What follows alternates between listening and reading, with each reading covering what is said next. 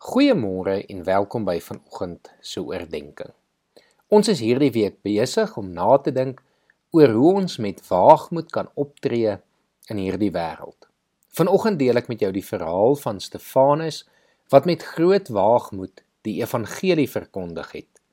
Ons lees saam uit Handelinge 7 vanaf vers 47 tot 60 waar Stefanus aan die woord is. Maar dit was Salomo wat die tempel gebou het. God, die Allerhoogste, woon egter nie in geboue wat deur mense gemaak is nie.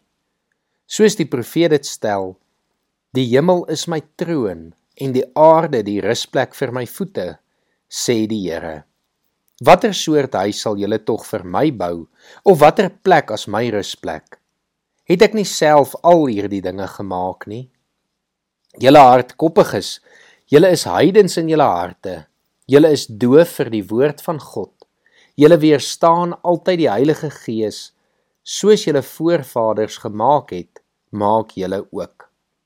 Was daar ooit 'n profeet wat nie deur julle voorvaders vervolg is nie? Hulle het God se boodskappers doodgemaak wat lank tevore die koms van die regverdige aangekondig het. Nou het julle self die regverdige verraai en vermoor. Julle is die mense wat deur die middeling van engele die wet van God ontvang het en tog het julle dit nie gehoorsaam nie. Toe die lede van die Joodse raad dit hoor, het hulle van woede op hulle tande geknars.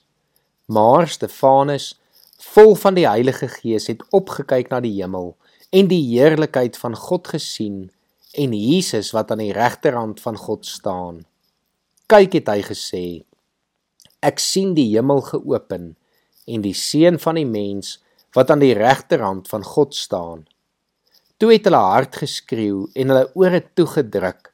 Soos een man het hulle op hom afgestorm, hom uit die stad uitgesleep en gestenig. Die getuies het hulle klere neergesit by 'n jong man met die naam Saulus. Terwyl hulle vir Stefanus stenig het hy geroep: Here Jesus, ontvang my gees. Toe het hy op sy knieë neergesak en hard uitgeroep: Here, moet hulle tog nie hierdie sonde toereken nie. Met hierdie woorde het hy gesterwe.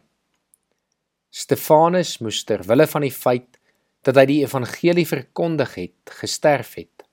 Hy het egter nie as gevolg van enige moontlike vrees vir die dood teruggestaan of eerder stil gebly nie. Nee, Met waagmoed en passie het hy baie eerlik en reguit die evangelie aan mense verkondig. Mag jy vandag met dieselfde waagmoed die evangelie aan ander gaan oordra. Kom ons bid saam. Here, dankie vir mense so Stefanus wat bereid is om die evangelie te verkondig, selfs al beteken dit dat hulle lewens bedreig word. Here, dankie dat ons vandag in 'n land kan bly waar ons lewens nie sommer bedreig word nie en waar ons openlik kan vertel wie U is en wat U alles doen. Here help ons dan om hierdie geleentheid te gebruik, om hierdie vryheid te gebruik, Here, om met nog meer waagmoed die goeie nuus van Jesus Christus as ons verlosser vir die wêreld te gaan vertel. Ons bid dit vanoggend in sy naam. Amen.